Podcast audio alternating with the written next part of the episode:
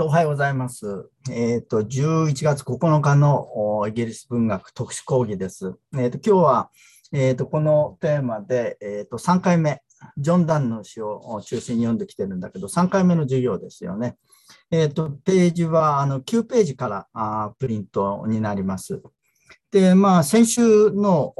講義ではね、えっ、と、地図と、それからコンパスというものにまず着目して、で、今度コンパスを軸にその世界を解剖学の世界に広げていったよね。と地図とそのコンパスと解剖学っていうのはあの密接につながっているんだという話をしました。えーそして、えーとそのえーと話のその展開の中で、えーと解剖学者とそれから詩人ジョン・ダンですね。えーこの2人が精神文化史の中でね、非常によく似た同じような位置を占めるということを確認しました。えーと病床より神より神に捧げるう賛歌という詩を書いているジョン・ダンと、それから、えーと解剖学者ですね、があのよく似たあの精神文化の中の位置を占めている、同じ位相をその共有しているという話をした。で、えっ、と、ダンと解剖学っていうのは、特に突飛なあトピックというわけではなくて、えーダンの詩には、あの、その解剖、世界の解剖というね、サブタイトルをつけた詩の作品もあるんだという話をした。そして最後に、えっ、と、もう一つ、ダンと解剖学の近接性っていうのを読み取ることができる詩もあるんだよという話をして、えー終わりました。で、今日はその最後に触れていた毒気というね、The Dump という詩ですけれども、ここから見ていくことにしたいと思います。えっ、と、9ページの一番上に、えっ、と、その詩を引いておきました。うん。これは全部で3つのスタンザからなる詩ですけれども、この詩は解剖学的なね、イメージに依拠しながら、あの、歌われています。こんな風に、なってるよね。えっ、と、まず訳の方を見てみますけどね。えっ、と、僕が死に、医者にもその死因がわからないと、えー僕の友人たちは興味に駆られて、僕の体を切り開き、一つ一つの器官、これ、原文で後見ます、後で見ますけど、パートってなってる。パートを調べ上げるだろう。えーそして、え僕の心臓、まあ、心としておいた方がいいですね。僕の心の中に君の肖像画を見つけるはずだ。すると君はこう思うに違いない。愛の毒気が突然そこから立ち上り、えー僕を観察している彼らの感覚の中をめぐって、僕と同じように彼らにも毒が回り、君はただの人殺しから、僕を殺しただけの人殺しから、大量殺人者に、え昇格できるんだという、そういうふうに、えーと歌われていきます。で、えーとまあ、男どもにね、恋の病の毒ガスを吸わせて、皆殺しにして越にいる悪女という、まあ、そういう女なんですけれどもね、えーと、おえーとそういうおどろおどろしい内容なんだけど、一読して明らかのように、ここには解剖のメタファーが使われているんで。で、この詩はね、この後、そのスタンザ読んでいくと、リズムのレトリックでね、女を口説きにかかるんだけれどもね、まあ、その先の方の成り行きはさておき、ここで注目したいのは、えーここで期間と訳したパートという単語なんだよね。うん。で、えーっと、と要するに、この詩は観察者たちもね、愛の毒気にあたってさ、ラブシックネス、恋の病を患って死んでしまう。それほど自分は魅力的な女なんだと思ってる女を難ずる、うん、非難する、うん、その風刺する詩ですけどもね、うん、この書き出しのところはね、えーとこんな風に書かれてますよね。原文ちょっと見てみますね。えー書き出しのところです。When I am dead, この私が死んで、and the doctors know not why, 医者たちにその原因がわからない。And my friend's curiosity will have me cut up to survey each part. えーわからないと、僕の友人たちは、えーっと、興味に駆られて、えーっと、have me cut up アップがついてますから、徹底的に、えー、切り刻んでってことだよね。僕の体を切り開いて、徹底的に切り開いて、そして to survey each part、それぞれの期間をその丹念に調べてみるだろうと。うんえー、そして、えー、そうすると、they shall find your picture in my heart. 僕の心の中に、えーと、君の似姿、絵があその潜んでいるというのを見つけるはずだ。うん、これ、ペトラルカ、あのイタリアのルネサンスの詩人、ペトラルカの伝統を踏んでます。えー、恋の病に陥って、ある女性のことばっかり思っていると、その女性の似姿が心の中に刻まれてしまうっていう考え方だよね。うんえー、見つけるはずだと。うん、すると、えと You think、uh, a sudden dump of love. ダンプってこれ毒の期待です。愛という名の、え、毒気が突然立ち上がり、will through all their senses move それがあ彼らの感覚の中をぐるぐるとそのえー、っと巡り巡ることになると思うに違いないと思うだろうと。And work on them as me そして、えー、私にそうしたように彼らの中にも君の毒気の力が働き And so prefer prefer というのは promote ですね Your mother そうして君は自分の殺人を昇格させることができると思うだろうと。To the name of まさか。ただ一人、僕一人を殺しただけじゃない。もっとまさかっていうのは大虐殺ですね。大虐殺の名に値するものになったというふうに思うに違いないという、そういうセリフ、あ、セリフじゃない、詩です。うん。で、ここですけれどもね、えー、っと、パートですけれども、まあ、これ、翻訳では期間としときましたけれども、えー、っと、これが注目すべき、えー、一語です。で、4行目のね、心臓、ハートと、これは韻を踏んでるんで、パート、ハート、同じ音でしょ？韻を踏んでる。そして、えー、強調されてるわけ、パート、ハート。で、解剖学的身体の部位という意味になります。うん、解剖学では、えーと、その体の部分のことを V, v って言いますよね。このプリントにも、えーと、聖なるソネットって真ん中あたりのすぐ上に身体的 V と書いておきましたけど、V ってこういうふうに解剖学では言いますね。でこの因が踏まれていることによって、えーと、心っていうのはあの身体的部位としての心臓という意味なんだよね。だから訳では僕の心臓の中に君の肖像画を見つけるはずだというふうにしておきました。心臓というふうで解剖学的身体の部位という意味になると。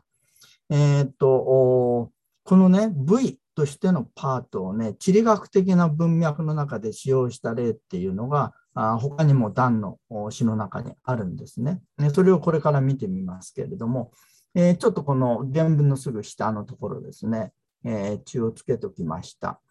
えー、っと、あ、その前にダンプのの横に右側に毒気と書いてきました。毒ガスのことですね。で、ラブシックネス。恋の病による死っていうんだけど、死っていうのは、ルネサンスの文学では、えー、セクシャルインターコースのクライマックスのことを表しますから、えーと、そういう性的な意味がここに入ってくる、きます。性的、その、なんていうか、交わりの快楽を味わって死ぬという意味も入ってきてる。エロティックな意味が入ってきてるんですね。うん。で、えー、っと、パートっていうのは解剖学の部位の意味にもなってくると。そうすると、それとこうして、えー、っと、心臓というハートに、えー、その心臓という解剖学的なね、え意味も込められてくるというのが、あこの詩の、まあ、ポイントですね。うん。それで、えっ、と、段にはね、他に、えっ、と、身体的部位パートと地理学のメタファーっていうのを使った詩がある。えー、それは聖なるソネットという、The Holy Sonnets という作品の中の第5番のソネットなんですね。えー、それをちょっと見てみたいと思います。えーと、こんなふうに、えー、訳ですけどもね。えーと、第5番、私は成功に作られた小さな世界であり、うん、これ、下、後で原文見ますけれども、A Little World ってなっています。え、先週やったミクロコズモスですね。成功に作られた小さな世界であり、4つの元素と天使のような霊魂でできている。だが黒い罪が私を裏切り、その両方を永遠の闇に売り渡した。だから私の世界は両方とも、ああ、両方ともしなねばならない。これまあ訳で両方って書いてあるんだけど、後で、えー、下見ますけれども、えー、パーツというのが単語が当てられています。えー、最も高い、えー、天の先に新しい天球層を発見し、天球層、これをフォースタスでやりましたから思い出してくださいね。プトレマイオスの宇宙図で天球層の説明しました。新しい天球層を発見し、多くの新大陸について記述できるものよ。新しい海を私の目に注ぎ込んでください。そうすれば私は激しく涙を流し、私の世界を洪水の底に沈めてしまうことができるだろうから。だが、洪水はもう来ないというなら、せめて私の世界をきれいに洗ってください。という、そういうふうな詩です。1行目から8行目までです。で、えー、っと、これですけれども、冒頭のね、1行目ってのは、ミクロコズモス、小さな世界としての身体感っていうのが歌われています。その小さな世界としての私は、肉体と霊魂という2つのパーツで作られているんですね。えっ、ー、と、下の英語をちょっと原文見てみます。I am a little world made cunningly, cunningly 精密に成功に作られたってことです。えー、私は小さな世界である。of elements 4元素を使って作られたってことです。4元素っていうのは、これも、えっ、ー、と、フォースタースのところで話しましたけれども、fire と air と water と earth ですね。え and an angelic sprite、えそれと天使のような魂とによって成功に作られた小さな世界なのである。But black sin has betrayed to endless night. しかし黒い罪が betray 私を裏切って、えー、終わりのない夜へと my world both parts この私の世界の両方のパーツをその売り渡してしまった。and all だから both parts must die 両方のパーツはあ死ななければならないのだ。うん。これ翻訳ではパーツはちょっと訳し出すことができないんで両方って人言ってましたけどパーツになってるんですね。強調されてます。えっ、ー、と、You which beyond that heaven which was most high えー、最も高いところにあるその天のさらにその向こうへえー、向こう向こうに have found new spheres、えー、さらに新しい研究層を見つけたものよ。and of new lands can write そして新しい土地についてものを書くことができるようなそういう知見を備えたものよ。pour new seas in mine eyes 私の目の中に新しい海を流し込んでおくれ。これ、まあ、海って塩水ですからね、涙のことですね。だってそうそうすれば、I might drown my world with my weeping earnestly、えー、私は自分の世界を激しく泣くことによって、ドラン、水の底に沈めてしまうことができるだろうから。Or wash it, or if it must be drowned no more. うんえー、さもなければ、えー、っと、その私の世界である目をそのきれいに洗ってくださいと。If it must be drowned no more、うん、それがもう水の底にドラウン、沈んでしまうということが叶わないというのならばっていうんですね。で、これで 面白いのは、えー、とそこに書いてきましたけど、大航海時代、地理上の発見の時代であるという、その息吹っていうのが、そこに書かれているような産業の中にあの顔を出しているってことですよね。have found new spheres and new lands can write. new seas がね、出てきていることです。えー、それから、えー、っと、最後の行ですけれどもね、えー、ともし、えー、あのもう二度と私の世界はあ水の底に沈むということが叶わないのならばってありますけど、これはノアの洪水のことを言ってるんですね。えーと、汚れた世界を洗い清める洪水っていうのはすでに太古の時代に起きてしまっている。うん、旧約聖書の時代に起きてしまっている。同じ洪水はもう二度と起きない。うん、ならばあのその水の底に沈めるっていうのは叶わないだろうけど、きれいに洗うってことはしてくださいっていう、そのくだりです。で、えー、っと、このソネットはね、えー、と最後に死と復活を願う敬虔な祈りの歌なんだけどね、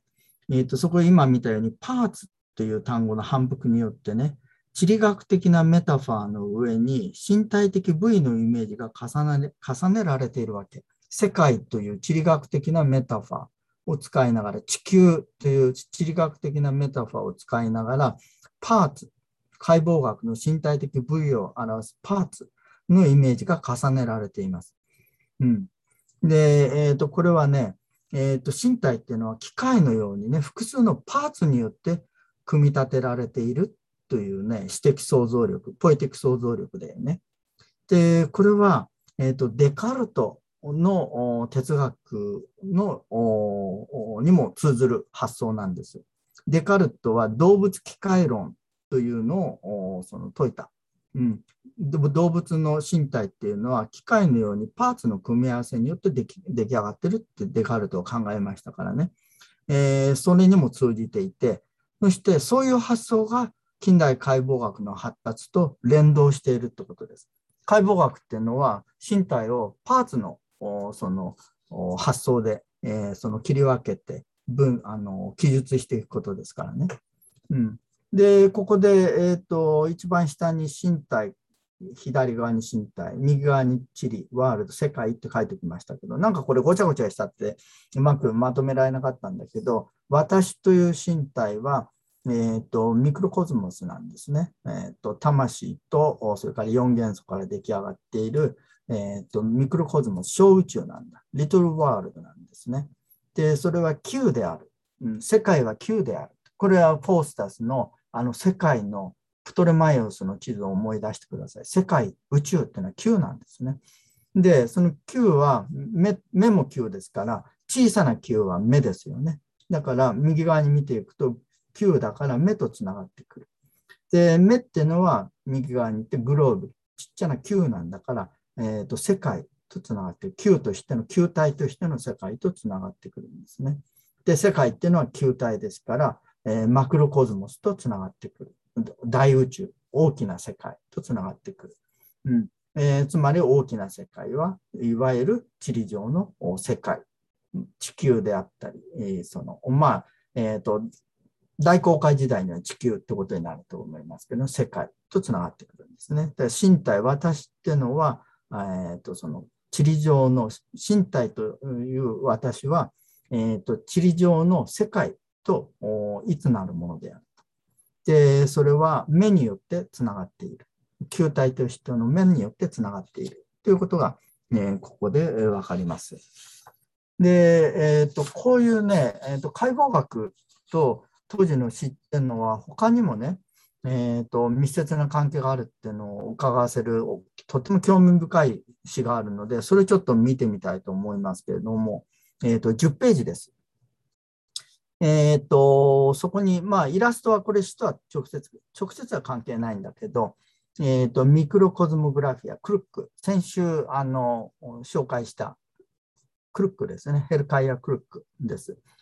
で、一番上にミクロコズモグラフィアと書かれています。で、ミクロコズモ、僕はこの、あの、綴りでミクロコズモグラフィアイって最後 I 入れちゃいましたけど、この I 取ってください。ミクロコズモグラフィアと書かれている。1616年に、えー、これ刊行されたあその著書の扉絵です。うん、これ1616年にこの解剖学書があの刊行されているっていうのが後でちょっと,、えー、と聞いてくるんですけれども、えーと、とりあえずこの解剖学的なメタファーを使った詩っていうのをちょっと読んでみたいと思います。で、これは、えっ、ー、と、アンドリュー・マーベルという人の書いた詩なんですけれどもね、A Dialogue Between the Soul and the Body という詩です。うん、で、このマーベルっていうのは1621年からあ78年まで、えー、生きた人、えーと、ダンと共に刑事上詩人を形成する詩人の、詩人軍を形成する一人です。アンドリュー・マード。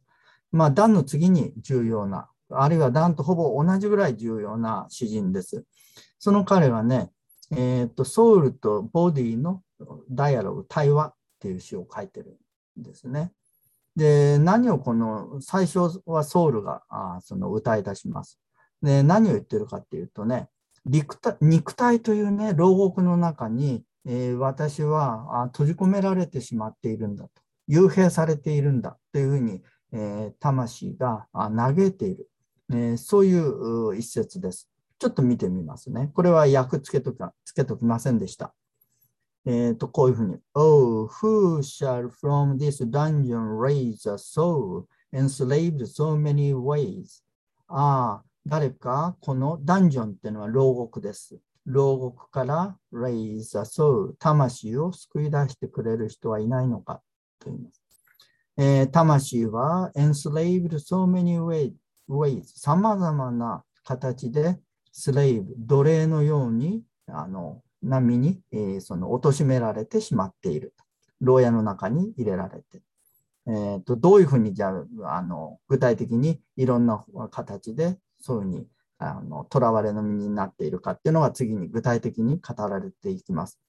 with balls of bones。balls っていうのは勘抜きですね。えっ、ー、と、鍵ですね。えー、骨のその勘抜きをかけられて、えー、that feathered stands in feet. that ってのはあソウルです、2行目。勘抜きをかけられて、骨の勘抜きをかけられて、魂はフェタっていうのは足かせをかけるですね。えー、それを足かせにかけられて、in feet、足の中に、フットの複数形だね。足の中に、えー、立ちすくんでいるのです。and manacled in hands。マナクルって手錠をかける。うん。骨の勘抜きをかけられて、それを手錠のように、えー、そのかけられて、手の中に、えー、閉じ込められているのです。Here blinded with an eye 目の方に行けばあの目目なんていう肉体がついているものだから魂は blinded、えーと、本当のその視力を失って目が見えなくなってしまっています。And they are dead with the drumming of an ear そして、えー、耳に行けば、えー、ドラム、ドラミングって、ドラムってのはボンボンって太鼓の音だよね。耳なんという、耳などという肉体がついているために、えー、っと、太鼓を叩くようなうるさい音がしていて、えー、っと、デフってのは耳が聞こえない、うん。耳が聞こえない状態になってしまっています。うん。A soul hung up as it were, in chains of nerves and arteries and veins、えー、魂はハンガーって宙吊りになった状態でいるのです。うん、まるで as it were ですね。as if です。うん、in chains 鎖。nerves ってのはこれは筋肉。から arteries これは動脈。から veins ってのはあ静脈です。うんえーと魂は筋肉と動脈と静脈の鎖につながれつながれて宙吊りにされているのです。tortured beside each other part そういうさまざまなパート、これ出てきてますね。V で、えーと、苦しめられているばかりでなく、えー、魂は tortured 苦しめられているのです。どこでか ?in a vain head ベインというのは独りよがりの虚栄に満ちたという意味ですね。虚栄に満ちた独りよがりの頭の中で、and double heart、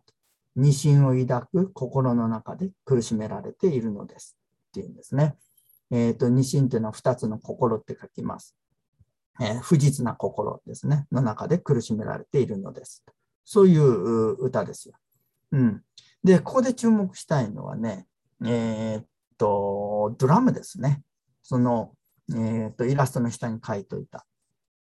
ドラムっていうのはね、太鼓を打ち鳴らすって意味だよ。うん、ドラミング。うん、耳なんていう肉体があるんで、その中に閉じ込められてる魂はね、耳から入ってくるどんどんどんどんっていう音に邪魔されて、本当の音が聞こえなくなっちゃってる。デフの状態になっちゃってるっていうんだところがね、えー、このドラムにはね、もう一つ解剖学的な意味がある。それはそこに書いていたように、えーと、中字って言います。外字、中字、内字ってあるよね。その中字っていう意味がドラムにはあるんですよで、これ面白いことにね、英語の歴史の中で、えーと、ドラムが中耳という意味で使われたのは1616年が最初なんです。これ OED って書いておいたけど、えっ、ー、と、 Oxford English English Dictionary っていう世界で一番大きい辞書ですけれどもね、えー、この辞書を見ると、あの何がわかるかっていうとね、X なら X という単語にいろんな意味がありますよね。A, B, C, D, E。うん、で、その X という単語の中の A という意味は、英語の歴史の中ではいつ初めて使われたかっていうのがわかるんですよ。うん、で、えっ、ー、と、これ、えー、しかもそれがいつ初めて使われたか、どこで使われたかってことまで、書かれている、すごい辞書なんですよ。この OED、Oxford English Dictionary っていうのはね。で、このドラムっていうのを引いてみるとね、中字って意味があって、それは、えっ、と、OED の2の4というカテゴリーの意味なんだけど、1616年に英語の歴史の中では初めて使われたというんですね。しかも、それはどこで使われたかというと、そこにイラストを挙げといたクルックの解剖学書の中で使われたっていうんです。ミクロコズモグラフィアの中で。うん。だから、えーと、この解剖学の書物、解剖学の知見というのと非常に近いところに、えー、あって、この詩は書かれているということがわかります。ね、そうすると、これは、えー、耳の中に中耳なんていう部位があるものだから、それで、えー、と雑音が外から聞こえてきて、えー、魂は耳が聞こえなくなってるっていうふうに読めるわけ。耳というその身体のね、えー、中には中耳などという解剖学的なあその部位があるために外の音がどんどんどんどんと騒音立てて入ってくるんで、えー、それで耳は、た魂はデフ。正しい音が聞こえない。耳が聞こえない状態になってしまっているというふうに読めます。で、そういうふうに読んでいくとね、えー、と最後の行のアベインヘッド。これも解剖学的な意味として読めるんだよね。ベインっていう一語ですけども、これはさっき言った虚栄に満ちたとか、独りよがりのっていう形容詞です。らそれで読むと、独りよがりのヘッド、頭、虚栄に満ちた頭と読むわけだけど、ベインはね、もう一つ空洞のっていう意味があります。中が中空で空洞のっていう意味があります。そっちで取ると、えー、空洞の頭蓋骨というふうに読める。空洞の頭蓋骨の中に魂は閉じ込められて、下から2行目、トーチャー、苦しめられているのですって読めます。で、同じように、えーと、その最後のダブルハートというのもですね、えーと、日清のある不実な心と、ダブルっていうのはあの二重のって意味ですからね、えー、ハート、心って読めるけど、でも、このダブル、二重のっていうのはね、えーと、そこに書いておいたように、左右に分かれたと読める。そうすると、ハートは心ではなくて心臓というふうに読めます。要するに左右の心房、心室のことですね。左右に分かれた心臓の中に閉じ込められて、魂は下から2行目の最初、トーチャーで苦しめられているのです。というふうにも読みます。つまり、解剖学的部位の意味が、あこの短い施設には重ねられているということで。で、この、えー、こういうね、魂と身体、ボディの対話っていうね、こういう形の詩はね、実はマーベルがあの初めて作った詩ではなくてね、えーと、中世からこういう対話の詩はあったんです。えー、それでそこではね、キリスト教的な二元論がこう対話しているわけだよね。えー、魂、キリスト教っていうのはあの肉体と精神の二元論で成り立ってますから、それで精神の方をより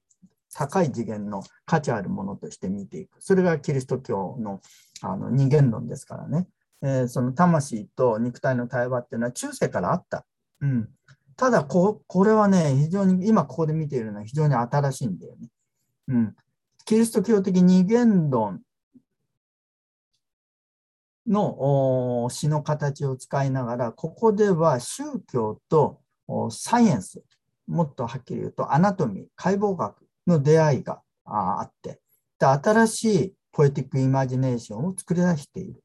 新しい時代の新しい石の世界を作り上げているということが言えると思います。解剖学という要素が入ってきてるんだね。うん、それがこのマーベルの詩です。で、えっ、ー、と、ジョン・ダンですけれどもね、えーと、そこに10ページの真ん中に大航海時代の精神風土とダンというふうに書いておきましたけど、えーと、地の地平の広がり、世界の地平の広がり、新しい地図というのが大航海時代の精神風土とつながってくる動きだけどね、下にずらずらと人を書いておきました。ジョン・ダンっていうのは16世紀の文化革命、大きな地の地殻変動の中に生まれたわけだけど、えー、とその中でね、17世紀の科学革命のね、夜明けの時代を生きた詩人です。で、それはそこの、そこに挙げといた人を見てみるとわかる。そのダンの生涯っていうのはね、まず、近代解剖学の父と父親ですね、近代解剖学の父と呼ばれるフランドルの解剖学学者、アンドレアス・ベザリウスっているんだけど、この人に非常に近接している。うん。えっ、ー、と、その一番に書いていたアンドレアス・ベザリウス、1514から64、フランドルの解剖学者、近代解剖学の父ですね。うん、近接していて、えー、それから地理学者オルテリウスやメルカトル図法の地図制作者、メルカトル、うん、あるいは機械論的身体論ってさっき言ったけど、デカルトとも近接している。それからそのデカルトの、えー、に大きな影響を与えた、デカルトに大きな影響を与えた血液循環論を説いたウィリアム・ハーベイとも近接している。えー、そういった変革の時代のね、あの人類の英知と重なってるんで、うん、ダンのイマジネーションっていうのはね、えー、そうしたその気鋭のね、船乗りたちとともに、新しい風の中に帆を上げて、えー、地の大会を漂って巡り、動いていたというふうに捉えることができるわけ。で、この10ページの人名をね、ずらずらと上げといたリストですけども、デザリウス、今見た通りだね。それからヘルヘルカイア・クルック、えーと、ミクロコズモグラフィア、解剖学者、医者だよね。これが1576年から1648年。からメルカトール、これはメルカトールのその地図っていうのは先週見ましたね。オルテリウス、これは最初の授業の時に、えー、見たオルテリウスの地図の制作者だよね。で、その中にジョン・ダンもいるわけだ。1572年から1631年重なってくるわけ。それからウィリアム・ハーベイっていうのも重なるんだけど、この人は血液循環論を説いた人だ。それからその影響を強く受けたデカルトっていうのが1596年から1650年。機械論的身体論ってさっき言ったけどね。うん。で彼はあの身体と精神の二元論を説いた人ですよね。我思うゆえに我ありって言ったのはデカルトでね。コギとエルゴスムって言った人。うん、精神を上に置いたんだよね。でも二元の、うん、身体というのは機械のパーツのように組み合わあの細かな部品の組み合わせでできていると考えた。で、今、あその10ページの上で見た、えーと、魂と身体の対話っていう詩を書いたマーベルもそこに重なってくるわけ。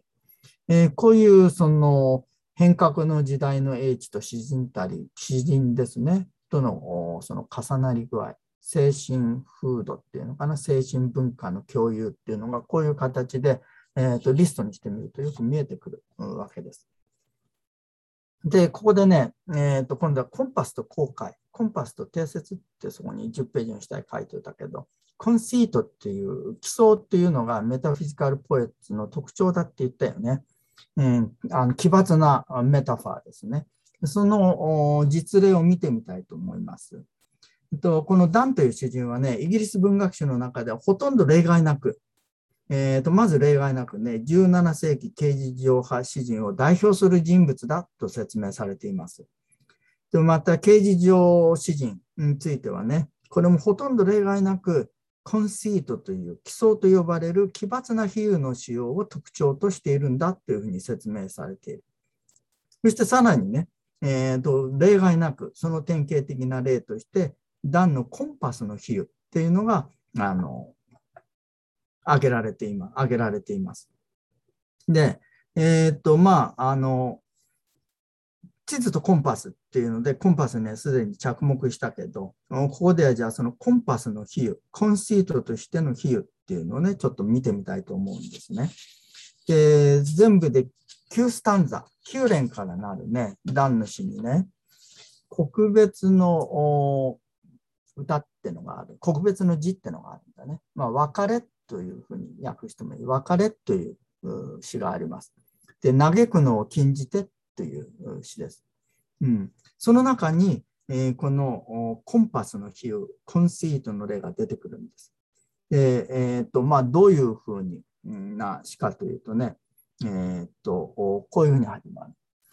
えーと、有徳の詩は、えーと、11ページの一番上です。有徳の詩は穏やかにこの世を去り、その時に魂に行け、もう行けと囁くものだ。傍らでは何人かの悲しむ友達が言う。息が絶えたんじゃないか。いや、まだだ。とか、なんとかってことですね。うん。で、まあ、こういう始まりだから、最初に取り上げたね、えっ、ー、と、病床より我が神に捧げる参加を思い出せ、出させる書き出しだよね。うん。でも、この詩はね、第2連以下で男女の別れの歌に展開していきます。うん。ちょっと読んできますね。僕たちも第2連です。優しく溶けて別れよう。涙の洪水やため息の嵐嵐は起こさずに、僕たちの愛を素人に打ち明けるのは、僕たちの喜びを冒涜するものであると。地球が揺れると、被害と恐怖が生じ、うん、何事かその意味は、と人々は大騒ぎをする。だが天球の振動は、その規模でははるかに大きくても、え、被害は与えない。うん。えー、愚かな月下の世界の恋人たちの愛は感覚こそその魂であるので別離を認めることができない。感覚肉体だよね。だから別れてしまうともう恋人たちの愛っていうのはあその成立しなくなっちゃうってことだね。なぜならば別れが愛を構成する要素を奪ってしまうからだ。しかし自ら何者かわからないほど愛の力によって純化された僕たちは互いの心に絶対の信頼を寄せている。目や唇や手はなくても困らない。えー、次のあたりからですね。これは後で原文の方も見ますけど。僕たち二人の魂は一つになっている。だから僕が出て行ってもそれで引き裂かれはしない。薄く伸ばした金箔のように拡張するだけだ。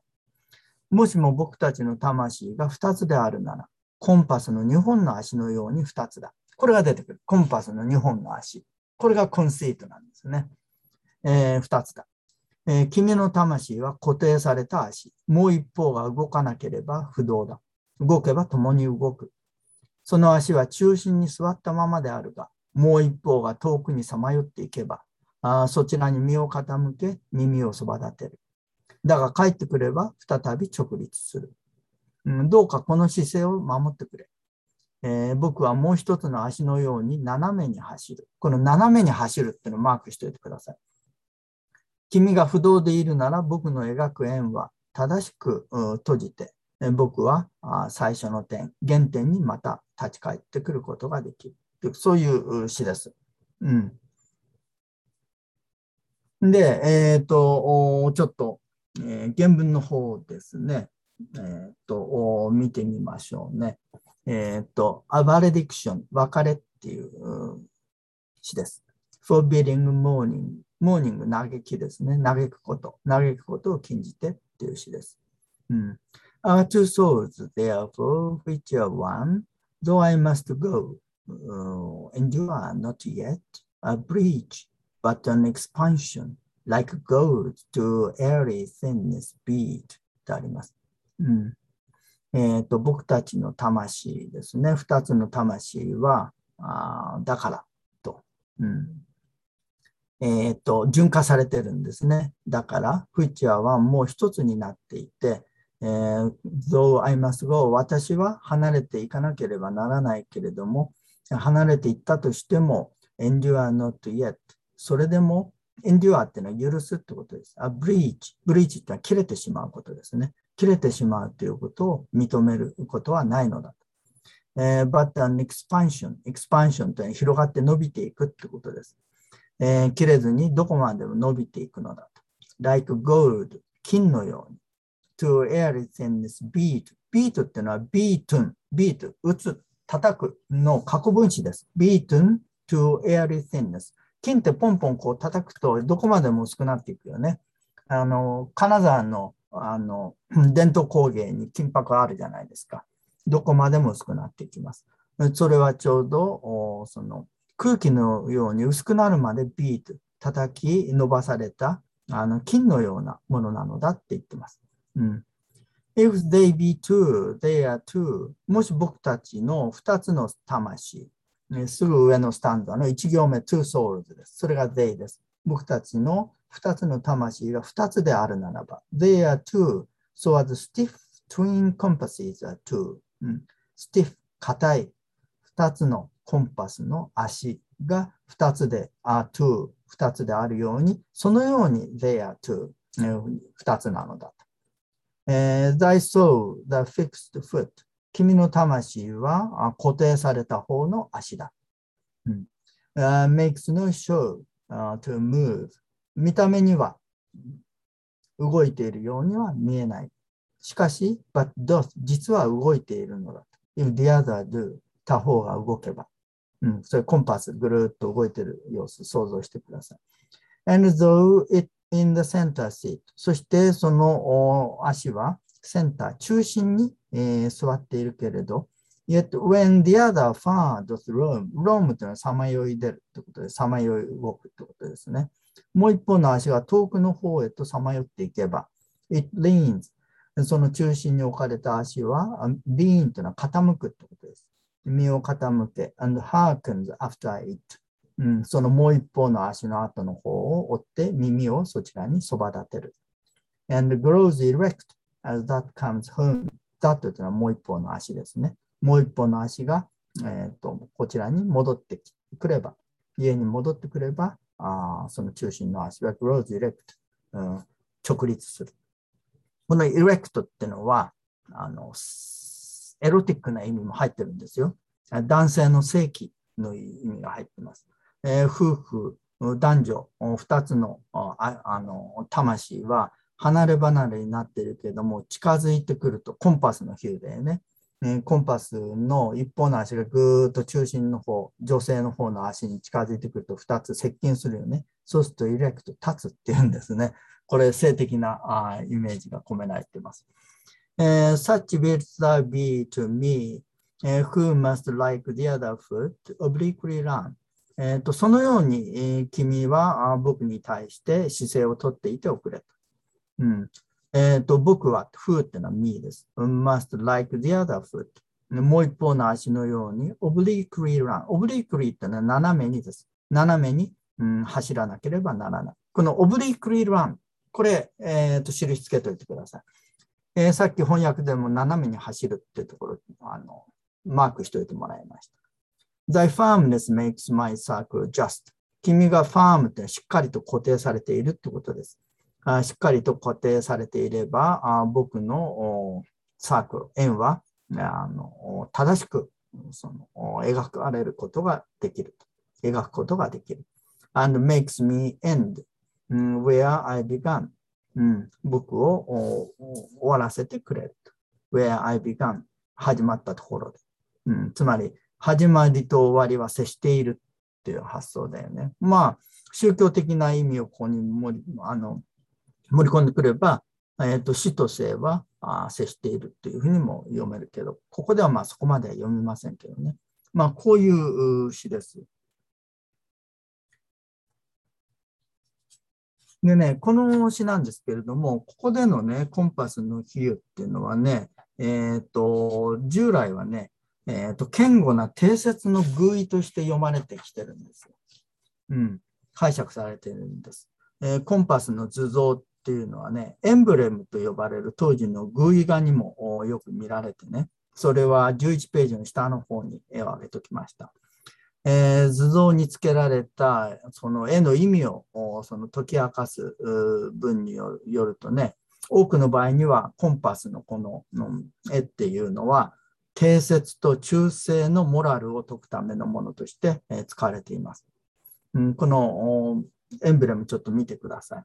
エンブレムっていうのは、あのなんか抽象的な概念をね、文字ではなく絵で示してくれる、うそういうものをエンブレムと言います。で、そういうものをいっぱい集めて、エンブレマータというのが当時盛んに出版されました。うん、定説とは何かって、定説とはこういうもので、ああいうものでって言葉で説明しても分かりにくいですよね。で、定説とはまさにこういうコンパスなんだっていうふうに絵で見せてくれてるんですね。それがこれです。で、えっ、ー、と、これ、定説を解説する、している絵なんです。うん、図像なんです。定説とはあコンパスによって理解することができるっていうんですね。で、これは、えっ、ー、と、どういうふうに見ていくかというと、えっ、ー、と、このコンパスをぐるっと取り、絵を、手が出ていて、コンパスを持っていて、それをぐるっと取り巻く円がありますよね。その円の、えーと、時計で言うと12時の位置に、12の位置に、えーと、丸がポチンと書かれてますね。そこから時計回りに読んでいくんです。とまず書かれているのがラボーレって書かれてますね。ラボーレ。それから次にエットって書かれてます。それからコンスタンティアと書かれていて、えー、それで最初の12のところに変えるんだよね。うん。えっ、ー、と、ラボーレっていうのはね、その絵の下に書いておいたけど、骨折りとか労働とか汗を流して動くことです。つまり、ぐるーっと動いてる方のコンパスの足のことだよね。だから、エットってのはアンドってことです。骨折りと、それからコンスタンティアっていうのは普遍、中性、定説という意味、コンスタンシーですね、英語の。そういう意味です。えー、だから、定説というのはこういうもので、一方があ骨を折り、えーと、動いていても、その中心軸を失わずに固定されたコンパスの足のようにいること、うん、それが定説というものなんだと。えー、そうすると、えーと、コンパスがの足がきれいに円を描くように完璧な形の円が作られるんだという、そういう教えですね。定説っていうのはそういうものであるというわけです。で、このあのエンブレムの面白いのはね、えーと、時計の12時の12の位置からぐるーっと時計回りに回って、えー、その定説というものをコンパスの比喩を使って説明してるんだけどさ、この定説というテーマがね、コンパスの描く円のイメージで表現されてるんだよね。そうでしょ ?12 のところからぐるーっとコンパスが一巡りして円を描くようにして、また12のところまで戻ってきますよね。でそれで、えーと定説とはあどういうふうに理解したらいいかってことが教えられているわけ。えー、で、えーと、従来はね、えーとえーと、この男女のね、えーと、その、なんていうか、定説、特に女性のだよね、定説を解く、その、なんていうかな、ものとして、コンパスはあその使われていたんですね、こういう形で。で、ダンのこの詩でもね、えーと、そういう意味が込められているわけですよ。男女の別れを歌うダンのコンパス、この詩の中のコンパスにもね、明らかにこれと同じような定説を解く教訓的な意味が盛り込まれています。そうでしょ？うん、どうかこの姿勢を君は守っていてくれよって言ってますよね。うん、僕はもう一つの足のように斜めに走るんだと。でも君が不動でいてくれるならば、僕の描く円は正しく閉じて、僕はまた原点に立ち返ってくることができるからっていうふうに歌われています。明らかにこの、えー、定説のモラルを説く教訓がこの詩には歌い込まれているということがわかる。しかしね、えーと、ここで、えーと注目したいのは、この旅立ちのイメージの中でね、歌われるこのコンパスからはね、もう少し違う意味がどうやら出てくるんですね。外洋、遠洋航海の風景っていうのが、えー、このコンパスのイメージの中に歌い込まれている。で、ここで注目したいのがね、さっきマークしといてって言った、えー、と最後のスタンザのその2行目で歌われてる斜めに走るっていう、ここです。obliquely run という、ここです。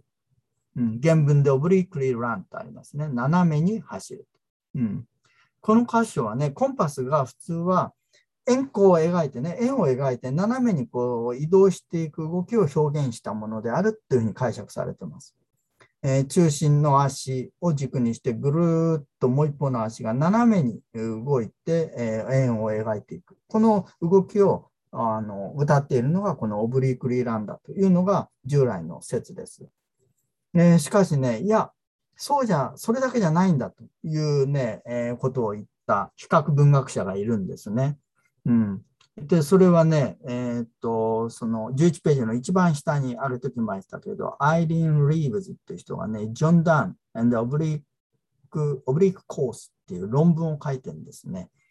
で、この、えー、っと、リーブスという人はね、比較文学の専門家ですけれども、科学史、自然科学の知見を援用しながらね、えー、このオブリークリーランを読み解いてるんです。ああの今まで、え、にの解釈では出てこなかった意味をそこから読み、えー、掘り起こしてます。で、その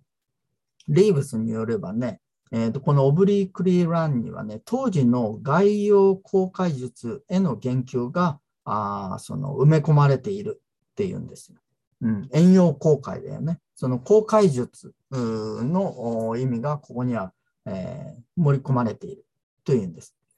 で、じゃあどういうことかっていうとね、え、ー、と、その死の横に、あの、水色の三角と、水色と赤の矢印で作った三角がありますよね。えー、こういうものを想定してください。えっ、ー、と、A という港からね、えっ、と、B という島にこれから船が行こうとしています。向かっていこうとしています。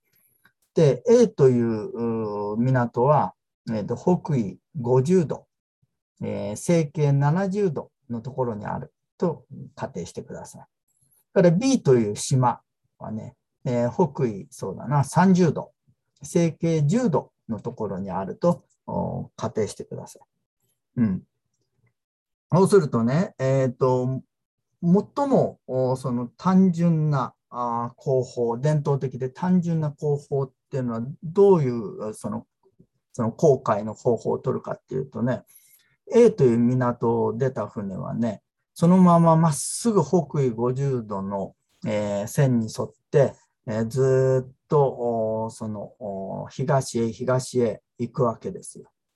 うん、そして、えー、っとそのままずっと進んでいって、そして整形10度のところまで、えー、来たら、まっすぐ今度下に、えー、降りていくわけ。で、北緯30度のところまで降りていくんだね。まっすぐ降りていくと、そこに島があって、島にぶち当たる。うん、それが目的地です。うん、C というところまで行ったら、あその真下に向かって降りていく、うん。そうすると B という島にたどり着く。これがあの最も単純な伝統的なあ航海の方法です。で、えっ、と、これはですね、うん、効率の良い航航路ではないんだね。うん。あ、それついでに言うとね、これ A から C 点まで行く、その横に引いた水色の矢印だけど、この長さを測るには、正確に測るには何が必要かっていうと、え時計なんですよ。正確な時計が必要になってくるんだね。うん。えっ、ー、と、正確な時計があその発明されないと、この右に向かっていく水平軸に沿って進んでいく矢印ですけどもね、これ行き過ぎちゃって、それで、えっ、ー、と、真下に降りてくると、島の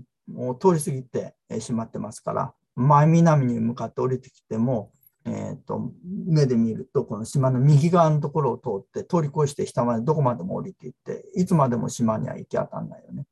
ぴっちりと、え、ー、と、島のある整形10度のところで、えー、と南にこう進路を変えて降りていかないとダメなわけで。で、時計ってのはゼンマイがなければ動かない。えー、ゼンマイのあの法則っていうのはフックの法則がなければできないという話。ロイヤルソサエティのところで話した話っていうのがこういうところにつながってくるんだけどね。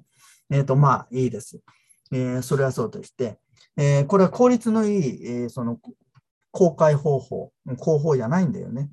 で、最短のね、えーと、航路を行くためにはどうしたらいいかっていうとね、えっ、と、この、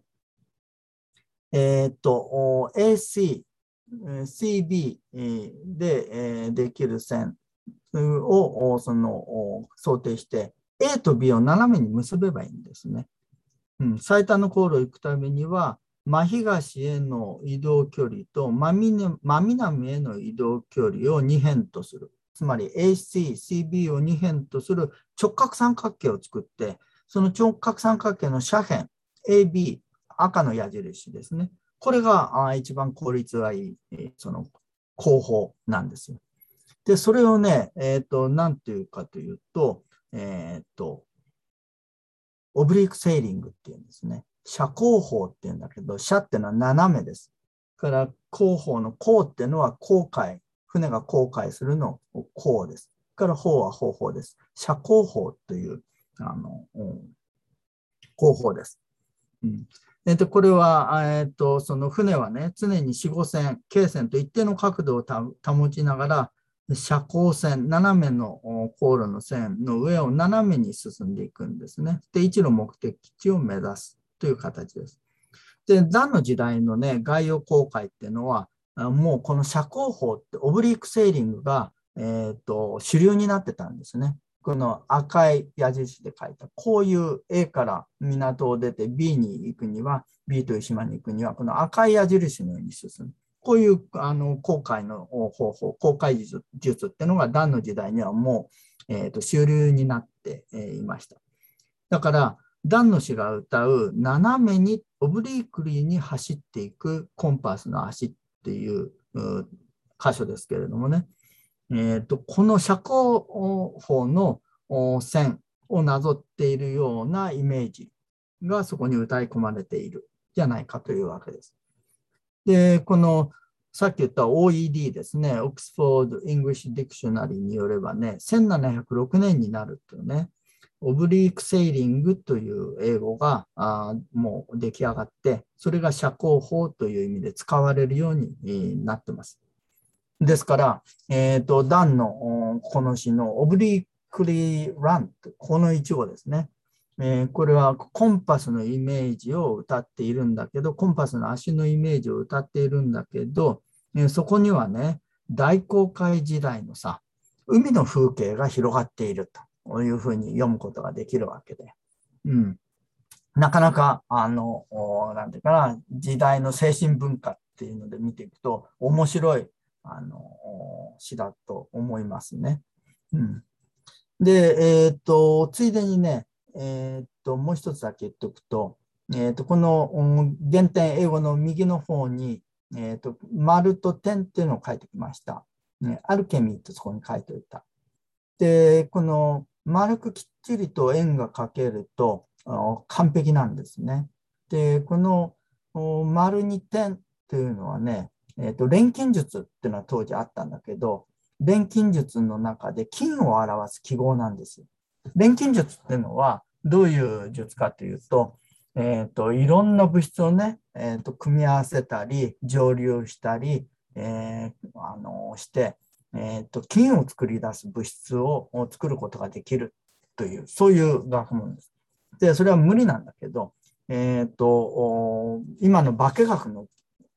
元素、あの元祖ですね、がアルケミーです。錬金術。うん、で、そういう物質を作り出したあその錬金術師っていうんですけどね、錬金術師はね、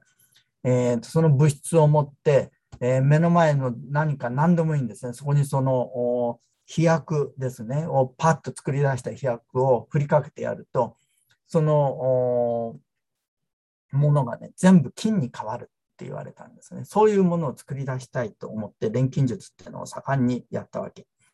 で、そういう飛躍を作り出したあその錬金術師はね、永遠の命も手にすることができるというふうに考えられていた。あそういうあの、まあ、疑似科学ですよね。うん、えーと、それを錬金術と言います。で、錬金術ではね、この丸に点っていうのは金を表す記号なんです。今だってあの化学は記号で表しますよね。例えば今の化学だと記号で金を表すと au って表しますよね。au。これあの金ですよね。うん、で、当時のアルケミーでは au という形じゃなくて、あのこの丸に点というので金を表したんです。で、金というのはパーフェクション、完全なる存在を獲得できるパーフェクションの印、パーフェクションと一体のものである。それが金であるという考えられていたから、えーと、この歌の中にはね、えーと、君があの定説を守って、えーと、その中心の足をぐらつかせずに守っていてくれれば、僕はぐるりと円を描いて、きれいなあの丸を作ることができる。うん、つまり、君と僕と2人で、えー、完全なる存在である金を作り出すことができる。ということがここに歌い込まれているわけ。つまり、アルケミーの表したこの金を表す印がそこに作る作り出されるというふうに歌っているわけ。えー、そういうふうに読むことができます。で、えーとまあ、そこに、えーと、挙げといた、えーと、定説の解説というエンブレムのね、左に斜めに引いた線あるけど、こう海図、当時の海図ですね、斜めに走って船をオブリークセーリングっていうのはこういうふうになイメージで考えられていたということを表しています。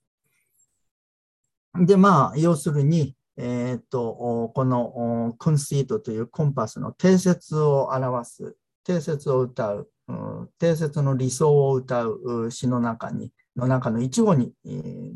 注目するとね、えー、そこに、えーと、遠洋航海術のその姿っていうのが見えてきて、そして大航海時代の海の風景っていうのが広がっているっていうところまで、えー、その意味を掘り下げていくことができるという、そういう話です。えっ、ー、と、まあ今日は、えー、このぐらいで終わりにしておきます。